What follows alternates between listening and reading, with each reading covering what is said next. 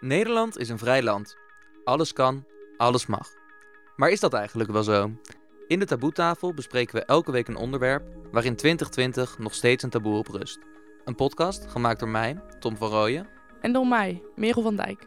Wekelijks onderzoeken we samen met onze gast welke taboes er nog liggen op welke onderwerpen. Want hier komen de taboes op tafel.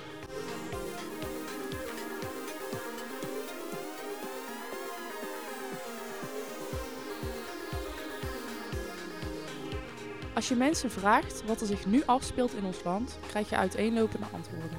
De maatschappij verandert en de taboes veranderen net zo makkelijk mee. Maar wat zijn de taboes van vandaag? Wat blijft mensen bezighouden in het dagelijks leven? In dit eerste seizoen van de Taboetafel onderzoeken we de taboes op het gebied van cultuur en maatschappij. Deze week bij ons aangeschoven aan de taboetafel Jisna Sardu. Jisna is data steward bij een grote bank in Nederland en heeft uh, zich op social media de laatste tijd veelvuldig uitgelaten over racisme en discriminatie, waarover we het vandaag ook gaan hebben.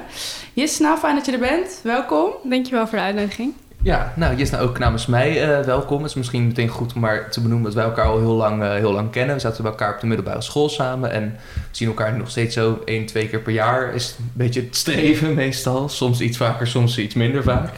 Um, nee, en Merel vertelde over, we gaan het met je hebben over uh, racisme en discriminatie in, in Nederland. Hoe je dat ervaren hebt in je leven, wat de gevolgen daarvan zijn en natuurlijk ook wat taboe is om je daar tegen uit te spreken.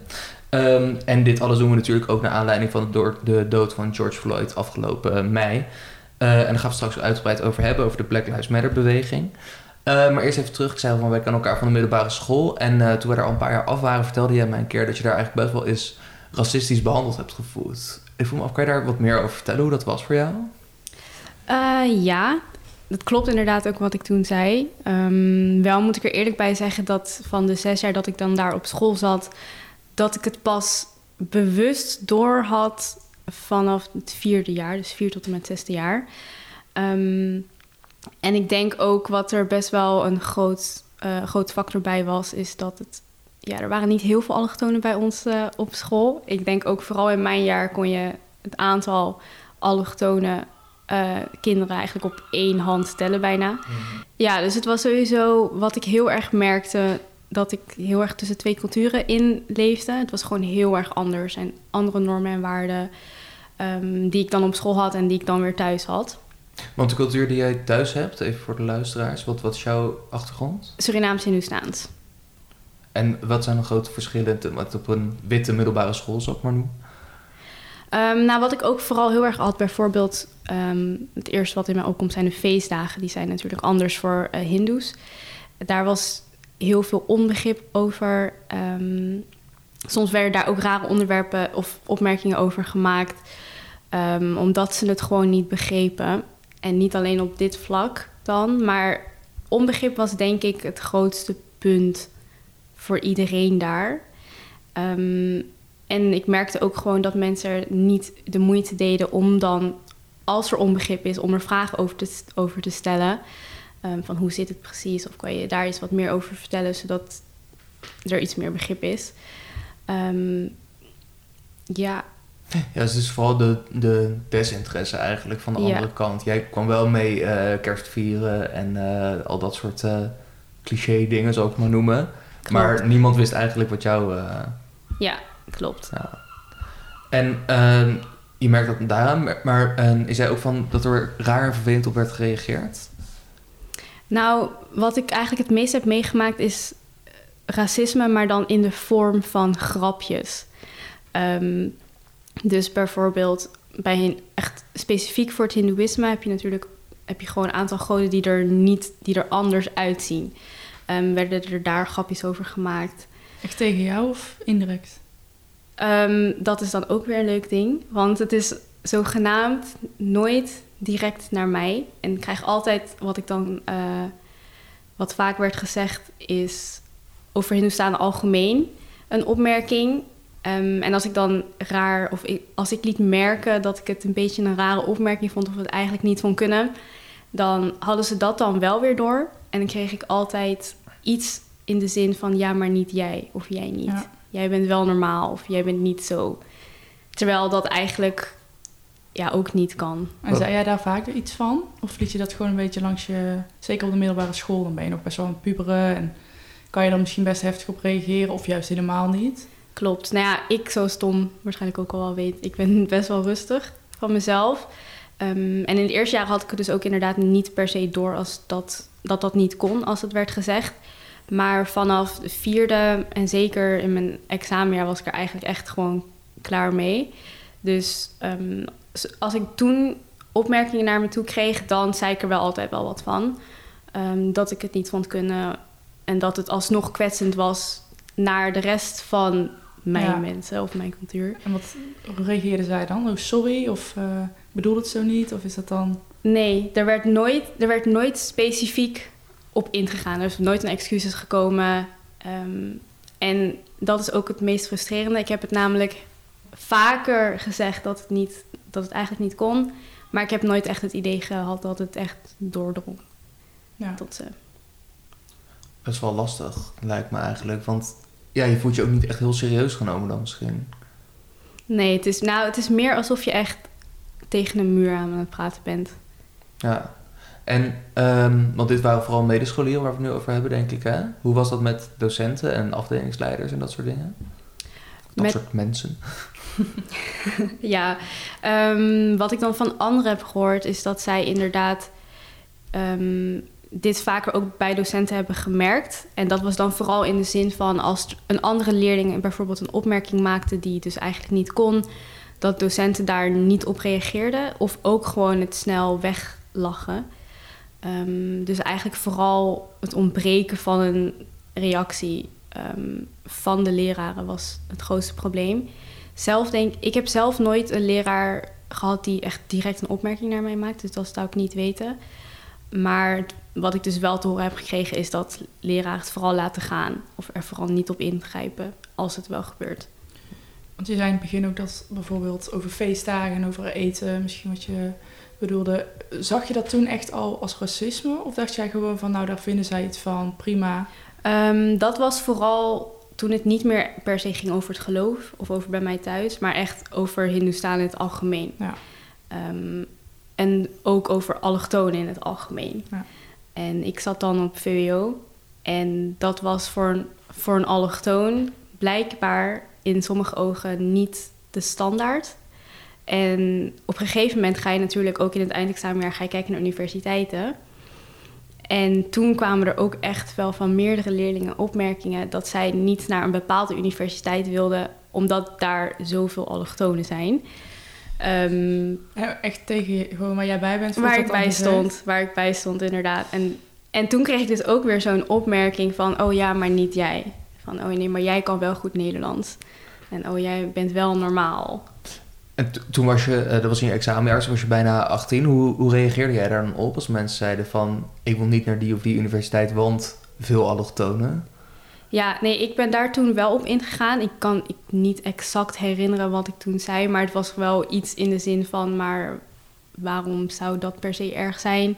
Of waarom maakt dat een universiteit in jouw ogen zeg maar minder of minder goed aangeschreven? Maar nogmaals, ik heb nooit, nooit echt het idee gehad dat het tot ze doordrong. Dus het was op een gegeven moment ook echt wel vermoeiend om dat elke keer proberen door te laten dringen. En waar denk je dat dat vandaan komt, al dat soort opmerkingen? Is dat, eh, want je zegt zelf, je hebt het vooral ervaren in de vorm van grapjes. Denk je dat het ook onschuldige intenties heeft, maar dat het echt onwetendheid is? Of denk je dat mensen echt een racistische inborst hebben, zeg maar? Ehm, ik kan onderscheid maken in de mensen op de middelbare school, bij wie ik denk van, daar zit wel echt een racistische aard in bij die persoon. En mensen, dus wat jij net zei, dat het gewoon onwetendheid is in de vorm van grapjes, met niet per se bewuste slechte intenties. Maar dat is denk ik ook wel een heel groot probleem in Nederland, want niemand, niemand gaat toegeven dat hij of zij een racist is. Maar er blijven dan elke keer racistische grapjes of opmerkingen komen. Met elke keer dat excuus van: oh ja, maar ik bedoelde het niet zo. Maar het wordt wel gezegd. Wat zou je, eh, hoe zou je dat kunnen veranderen? Hoe, hoe krijg je meer eh, bewustzijn bij mensen? ja, dat is lastig. Ik denk sowieso natuurlijk de eerste stap is wat jij al zegt, bewustzijn creëren. Ehm, en ik denk dat het nu ook wel ehm, ja, iets beter te doen is, omdat we nu alle jongeren die zitten bijna op social media. En daarmee is je bereik natuurlijk veel groter. Dus ik denk dat dat zeker wel helpt. Ehm, plus, ik denk ook ehm, op social media is de drempel iets lager voor mensen om dingen te zeggen. Maakt niet uit wat het is. En ik denk dat dat ook wel helpt met dit. Het is ja, makkelijker om iets erover te zeggen. Je hebt meerdere mensen die ehm, hetzelfde hebben meegemaakt, die dan daarbij springen. Ja. En tegelijkertijd kan je ook meer mensen bereiken. Dus ik denk dat eigenlijk social media nu wel echt een krachtig ehm, ja, medium is daarvoor. En je ziet nu natuurlijk ook protesten over de hele wereld eigenlijk. Ehm, maar ik denk ook weer daarbij dat social media heel belangrijk is, omdat je gewoon veel meer mensen oproept. En ook echt pas ziet hoeveel mensen er echt mee bezig zijn, denk ik. Klopt. Ja, ik had vooral ook ehm, qua mijn eigen ervaring had ik ehm, als ik terugdenk naar sinds ik dus de middelbare school had ik misschien een handvol aan mensen met wie ik het erover kon hebben en met wie ik dan ook echt door had van oh jij maakt dit ook mee. Maar nu zie ik zoveel andere mensen die gewoon exact hetzelfde eigenlijk meemaken. Ehm, dat dringt nu, nu pas echt heel erg goed op mij door van het is echt een heel groot probleem. Ik had het, je had het altijd wel een klein beetje door, maar nu pas besef je echt van oh, andere mensen hebben exact hetzelfde doorgemaakt. Ja, Dus dat geeft jou ook wel een, een fijn gevoel, lijkt me. Of ja, het is niet Ja, fijn is niet voor die fijn. mensen, maar voor omdat je weet van oké, ik sta niet alleen klopt, hiermee. klopt, dat inderdaad. Ja, komen we daar dadelijk ook nog wat eh, uitgebreider over te spreken als we het gaan hebben over eh, de toekomst en de hele Black Lives Matter eh, beweging. Wat ik me afvroeg, je bent na je middelbare school, nou daar hebben we het net over gehad, ben je naar de Erasmus Universiteit gegaan in Rotterdam. Hoe was dat daar? Rotterdam is natuurlijk een van de meest diverse steden in Nederland. Was het daar vergelijkbaar met bij ons op de middelbare school of liep je daar een totaal andere wereld binnen? Nee, ik liep daar gelukkig een totaal andere wereld binnen. En ik was zo positief verbaasd over hoe het dus ook kon zijn. Want dat had ik nog nooit meegemaakt. Ik had voor mezelf eigenlijk al het idee van... oh, dus zo gaat het zijn, zo is het in Nederland. Ehm, als ik met blanke vrienden omga... zal ik waarschijnlijk altijd zulke opmerkingen krijgen. Maar toen ging ik dus inderdaad studeren in Rotterdam. Is heel multicultureel. En daar kwam ik het een stuk minder tegen. Ik persoonlijk in ieder geval. Mhm. Dus toen merkte ik ook van, nou, zo kan het dus ook. Gelukkig, ja. Denk je dat het mee te maken heeft van de mensen die daar studeerden? Of denk je dat het vooral mee te maken heeft omdat er zo'n grote diversiteit was op de universiteit en in Rotterdam, dat mensen het veel meer gewend waren? Ja, ik denk een beetje een combinatie van beide. Sowieso op de universiteit was het heel internationaal ook. Dus je had niet alleen gekleurde mensen die niet in Ne- zogenaamd niet in Nederland horen. Maar je hebt ook nog heel veel internationals die gewoon uit Italië bijvoorbeeld komen. En die zijn ook blank. Ehm, dus daar was, dat is al wel een verschil. Dat er meer mensen zijn die niet per se uit Nederland komen, maar toch wel een soort, soort van de omschrijving eh, bevatten van normaal of acceptabel. Ehm, dus dat was ook wel een dingetje dat ik me niet de enige buitenstaander voelde, omdat er zoveel meer verschillende soorten mensen waren. Ehm, en ik denk ook ja, dat dat voor medestudenten wel eh, een rol heeft gespeeld. Van nou, dit is het normaal. Eh, en je moet gewoon met elkaar samenwerken. Ja. En ja, ik denk dat dat op zich wel eh, erbij heeft geholpen. Dat je niet alleen in een omgeving zit waar je eigenlijk het normaal is, alleen mensen die er hetzelfde uitzien als jij. Ehm, maar in een omgeving met meer, veel meer verschillende culturen. Ehm, het enige wat me dan wel, als ik echt naar de universiteit zelf kijk, is dat er qua professoren is er niet per se heel veel diversiteit. En ook de ehm, studentenverenigingen ook niet per se. Na de universiteit komt een logische vervolgstap. Als jij dan als eh, jonge eh, Surinaamse-Hindoestaanse vrouw, of jonge Nederlandse vrouw met Surinaamse-Hindoestaanse achtergrond het, eh, het werkveld ingaat, hoe was dat? Hoe was het om voor het eerst te gaan solliciteren nadat je was afgestudeerd bijvoorbeeld? Ik moet heel eerlijk zeggen dat ik best wel. het was een beetje gemixt. Aan de ene kant was ik heel erg zeker van mijn zaak, omdat ik wel gewoon afgestudeerd had, was en ik wist wel wat ik wilde ongeveer. Maar tegelijkertijd ga je zeg maar naar een hele groep mensen toe die jou niet eens persoonlijk kennen. En je wordt gewoon beoordeeld eigenlijk op ten eerste hoe je eruit ziet en je cv. Ehm, en een groot onderdeel van überhaupt werk krijgen is natuurlijk je naam op je cv. Um, dus de eerste selectie wat gebeurt bij ja, alle bedrijven eigenlijk. Ehm, en dat is altijd gewoon een persoon die dat doet en die kent jou helemaal niet. En die beoordeelt jou alleen op wat er, wat er staat. En ik denk dat het wel bekend... Het is bekend in Nederland dat er wordt gediscrimineerd... Um, bij het aannemen van mensen. En ook wat je nu heel vaak... Als ik nu mijn LinkedIn open, dan kom ik vast een bericht tegen van iemand... die dan twee sollicitatiebrieven heeft ingeleverd... die exact hetzelfde zijn. Hetzelfde cv, um, maar met andere namen. En er zijn genoeg voorbeelden van mensen die dan alleen een uitnodiging hebben gekregen voor een gesprek met een Nederlandse naam. Terwijl ja, uh, het exact dezelfde cv is. Dus, en daar was ik me best wel van bewust. Um, dus ik was daar best wel bang voor. Nou heb ik zelf niet gekeken of ik wel met een Nederlandse achternaam aangenomen zou worden of op gesprek uitgenodigd zou worden. Dus dat weet ik niet. Ik geloof best dat dat wel eens is gebeurd. Um, maar zelf heb ik daar niet bewust iets um, van gemerkt. Alleen op de ges gesprekken waar ik ben geweest, heb ik wel af en toe dat ik echt dacht van deze opmerking kan niet. En nou ja, mijn achtergrond was al gezegd in de data, dus dat is IT. Um, en binnen IT heb je het stereotype dat er heel veel mensen vanuit India um, naar Nederland worden gehaald om te werken. En dat kwam in meerdere gesprekken terug. Um, zelfs ook op het punt dat er een senior persoon, waar ik dan tegenover zat voor een baan waar ik eigenlijk over was aangenomen, um, daar echt een hele rare opmerking over maakte. En als grap of als. Ik weet het niet. Ik vond, ik vond het niet grappig. Nee, ik vond het echt niet grappig. In ieder geval, ik kon er echt niet eens om lachen. Dan kun je een voorbeeld geven van zo'n opmerking? Uh, ja. Het, ja. Het was gewoon een opmerking met dat die Indiërs uh, heel vaak om de dingen heen draaien en dus blijkbaar niet echt goed hun werk doen.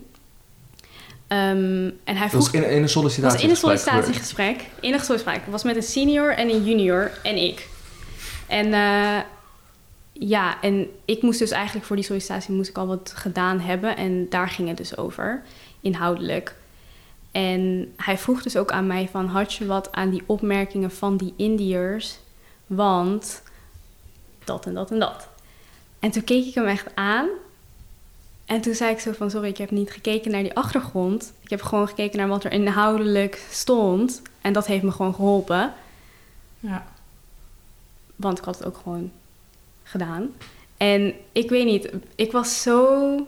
Hield je je een beetje in? Ja, want het was sollicitatiegesprek. En ik dacht van, ik moet professioneel blijven. Want anders komt dat weer negatief op mij terug. Dat maar zou je dat ook niet professioneel kunnen uitlaten?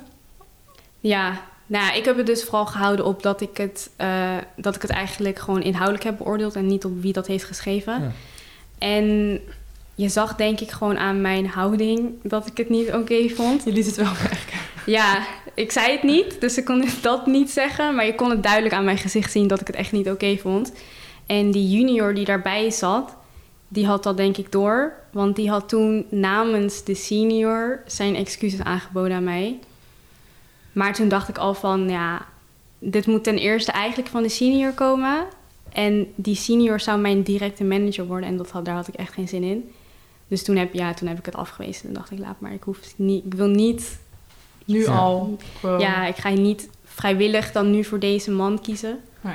Maar wel dapper dat je zo principieel bent al eigenlijk in het begin van je, van je loopbaan. Want je hebt meteen tegen hem... Uh, joh, ik kijk niet naar mensen hun achtergrond, ik kijk naar het, de inhoud en het werk wat te leveren. En je had die baan dus kunnen krijgen, begrijp ik. Ja, ja. dat was wel een goede baan geweest. Maar ik dacht, nee. Nee, nee, dus zo erg is het onderwerp wel aan het hart dat je denkt, oké, dit gaat me te ver om... Uh... Ja, want kijk, dit was, dit was maar één één opmerking, maar dit was al bij mijn sollicitatiegesprek. En ik denk als je eigenlijk als recruiter moet jij tijdens een sollicitatiegesprek het beste van jezelf laten zien. Want jij wilt ook dat de kandidaat die jij interviewt bij jou komt werken en dat het aantrekkelijk gevonden wordt. En als je in zo'n situatie al zo'n opmerking maakt, dan kan ik me alleen maar voorstellen wat er gebeurt als ik daar al werk en gewoon dagelijkse werkzaamheden daar uitvoer. Wat ik dan voor opmerkingen naar me ja, toe zou ja, als dat wel het beste is wat je van jezelf kan laten zien, dan... eh, Ja, dus ik dacht, nou ja, ik heb de keuze, nu nog. Ook al had ik geen andere optie, zou ik alsnog dat niet, eh, niet accepteren. En eh, dus laten we wel op andere eh, plekken gaan werken. En in het dagelijkse werk, sollicitatie heeft natuurlijk altijd iets, iets ongemakkelijks. Hè? Je zegt, iedereen doet zich eh, net Ja. iets mooier en beter voor dan die is van alle kanten. Maar op een gegeven moment werk je ergens, enige tijd, collega's. hoe is dat? Hoe, wat, heb je daar vervelende ervaringen gehad? eh? Ehm, ja, wat ik eigenlijk vaak merk, ehm, overal waar ik heb gewerkt, is dat er toch wellicht onbewust neergekeken wordt op mensen met een andere huidskleur. En dat gaat dan helemaal nergens over. Kijk, als jij gewoon een argument hebt eh, waarom iemand iets niet goed doet, dan, dan is het logisch natuurlijk. Dat, dat kan bij iedereen. Dan heb je ook echt wel een reden. Maar als je gewoon zonder reden er al vanuit gaat dat iemand iets minder goed kan, ehm, dan vind ik dat niet kunnen. En dat is wel iets, ik weet niet per se hoe ik het moet uitleggen, maar ik denk dat veel mensen het wel gaan begrijpen als ik zeg dat je het doorhebt wanneer iemand jou onderschat of op jou neerkijkt, zonder dat er überhaupt iets wordt gezegd. D- dat komt heel vaak voor. Ehm, overal eigenlijk. En ik merk ook wel, ehm, als, er niet, als er bij een bedrijf niet heel veel eh, gekleurde mensen werkzaam zijn, dat daar ook weer gewoon onbegrip is. En dan kom ik weer in dezelfde omgeving van de middelbare school, dat er heel veel onwetendheid is met, en dat er opmerkingen worden gemaakt met weer wellicht niet per se slechte intenties, maar dat die opmerkingen wel worden gemaakt. En dat ze er gewoon niet bewust van zijn wat ze zeggen. Ja, en we zien natuurlijk nu dat steeds meer mensen echt wel hun mond opentrekken tegen racisme, tegen discriminatie. Vooral op social media, waar we het toen straks over hadden. En als we het dan even gaan hebben over George Floyd. eh, hoe denk jij dat het na de dood van hem eh, ja, mensen echt denken van dit kan gewoon echt niet meer? Nou ja, ik denk, kijk, George Floyd is maar, één- om het heel even niet aardig te zeggen, het is maar één man. En dit speelt vooral in Amerika al honderden jaren. Ehm, maar ik denk dus ook weer, ehm, wat vaker is gezegd, dat het is niet, racisme is niet per se erger geworden, maar het wordt nu gefilmd en het wordt gedeeld. Ehm, dus precies hetzelfde is eigenlijk gaande, maar meer mensen krijgen het te zien. En daarom denk ik eigenlijk dat er nu in, want volgens mij was er in elke staat van Amerika eh, wel een protest. Ehm, dat is volgens mij een bereik wat ze nog nooit hebben gehad. En ik denk eigenlijk dat het nu op zijn minst in dezelfde mate door zal gaan qua protesten en eh, mensen die het er eigenlijk niet mee eens zijn. En wat ik ook wel had gemerkt, een belangrijke positieve verandering is dat nu niet alleen zwarte mensen, als ik het even gewoon zo zeg, ehm, niet alleen zwarte mensen gaan de straat op nu. Het zijn echt blanke mensen staan erbij. Eh, Is dat, is dat nooit zo geweest? Zo, eh, nee, Zo'n opkomst? nee, nee. Dus normaal was het echt, oké, alleen mensen van de cultuur waar het om gaat, Ja. die komen samen en zij gaan protesteren of actie ondernemen. En nu, wat me echt opviel, was het zijn alle culturen die samenkomen. En hoe komt dat, denk je? Want ehm, je zegt inderdaad, George Floyd, oneerbiedig gezegd, is eh een van de velen. Ehm, er is natuurlijk wel al vaker, eh, de term Black Lives Matter is niet van, van dit jaar, zeg maar. Er zijn al vaker dit soort vreselijke incidenten geweest. Maar dan was het toch altijd een paar protesten in de dagen daarna. En nu is het eh, nou al drie weken geleden ongeveer eh, gebeurd. We zien nog steeds. En eh, nu worden overal standbeelden omvergesleept en zo. Waarom, juist nu, waarom is dit het moment? Want een paar jaar geleden was, het ook alles, gewoon, was er ook social media. Heb jij daar een idee over hoe het komt dat juist nu ineens een soort point of no return lijkt te zijn? Nou, ik denk dat het gewoon is dat mensen het echt zat zijn. En ehm, als, je, als dit jarenlang achter elkaar gebeurt eh, en het gebeurt weer, dan op een gegeven moment is, er, is het gewoon de druppel. En ik weet, ja, ik, ben, ik heb geen idee van Amerika exact. Maar volgens mij in de afgelopen paar maanden zijn er drie gevallen geweest. Echt kort achter elkaar. Ehm, er was een vrouw gewoon in haar, in haar huis, terwijl ze sliep, was ze doodgeschoten. Ehm, en er was nog een andere jongeman die gewoon aan het hardlopen was in zijn buurt. Die is ook doodgeschoten. En dan nu George Floyd. Ehm, en dat is allemaal heel snel achter elkaar gebeurd. Dus ik denk dat dat ook er een rol bij heeft gespeeld. Uh, maar vooral gewoon dat mensen op een gegeven moment is het gewoon too much. Want wat denk jij, want ik zit zoals op Facebook en dan uh, kijk ik onder een nieuwsbericht uh, de reacties. Moet je eigenlijk niet altijd doen natuurlijk. Maar heel veel mensen zeggen, ja dat is Amerika. Dat hebben wij hier niet. Dat heb jij vast ook wel eens voorbij zien komen. Klopt. Wat denk je dan? dat is heel frustrerend, want de mensen die dat zeggen, die hebben het nooit meegemaakt. En het is niet zo omdat jij het niet hebt meegemaakt dat het niet een probleem is. Um, en dat, dat vooral, denk ik ook, is de reden dat er nu over de hele wereld eigenlijk wordt gedemonstreerd. En dus ook standbeelden in Engeland bijvoorbeeld uh, en België naar beneden worden gehaald. Omdat mensen zeggen van nee, het is niet alleen in Amerika. Het is ook hier echt een probleem. En omdat het nu zo'n groot ding is geworden, is het denk ik ook makkelijker voor mensen om over hun ervaringen te spreken. Um, want eerst had ik ook dat het, als je er iets van wilt zeggen, dat je vaak bang bent dat mensen denken dat je gewoon zeurt. Ja. Of dat je je aanstelt. En wat je ook heel vaak te horen krijgt, is dat je uh, dus een slachtofferrol aanneemt. Terwijl je eigenlijk gewoon feiten opnoemt, want dit, is, dit is letterlijk gebeurd. Um, maar nu, omdat, het, omdat er zoveel mensen zijn die samen hun eigen ervaringen delen, zowel in Amerika als dus nu ook van nee, het is niet alleen daar, het is ook hier. Um, ja, zijn er toch veel meer mensen die nu samenkomen. Ja, dus het lijkt echt alsof het taboe, as we speak, nu langzamerhand doorbroken wordt. Het taboe om je uit te spreken tegen racisme, wat al ja. jaren op lag. Ik heb zoveel gevoel dat ik aan het zeuren was. Dat lijkt me dus wel echt te veranderen. Veranderen vind ik uh, een iets te positief woord.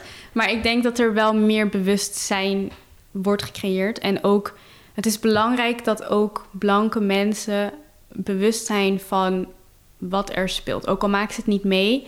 Ik heb nu ook in mijn omgeving men, uh, vrienden die gewoon mij benaderen en zeggen van ja, oké, ik weet niet zo goed wat ik moet doen. Maar kan je alsjeblieft uh, helpen? Of wat als dit gebeurt, deze situatie, wat zou jij dan zeggen? Of hoe vind je dat ik zou moeten reageren?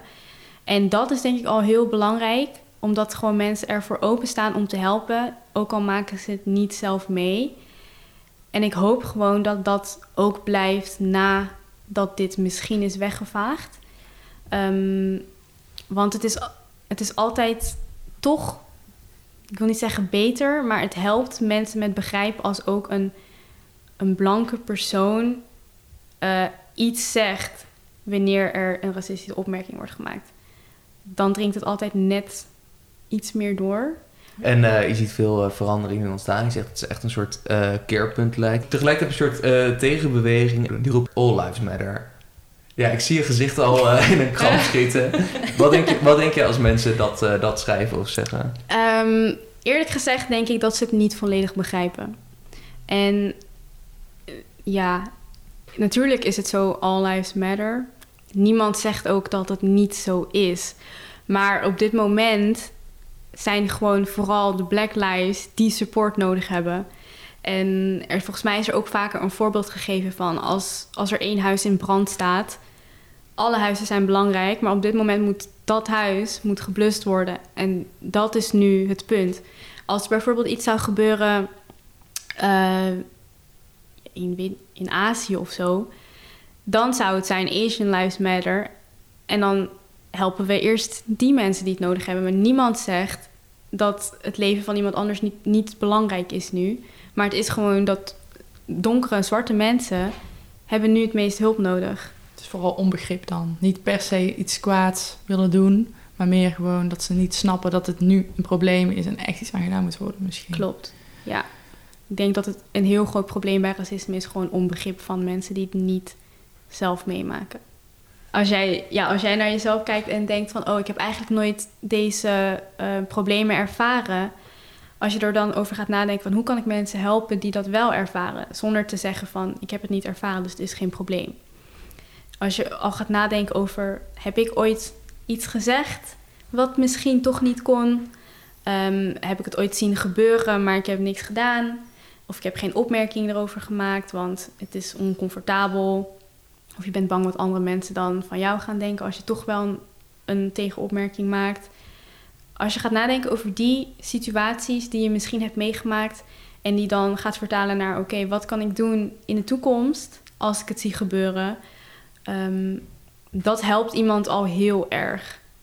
En ik denk als veel mensen dat gaan doen, dat er in Nederland zelf en in Amerika ook gewoon wel goede verandering mogelijk is. Maar dan moeten wel alle mensen daar eigenlijk gewoon bewust mee bezig zijn. Ja, we zo langzaam een beetje richting het einde aan het gaan zijn. Het is een, op z'n zacht gezegd een raar jaar waar we in leven, 2020. Uh, het, is, er is daadwerkelijk een nieuw decennium aangebroken. Aan de ene kant deze beweging heel groot. Tegelijkertijd is er natuurlijk een gigantische pandemie uh, gaande, die is nog niet over.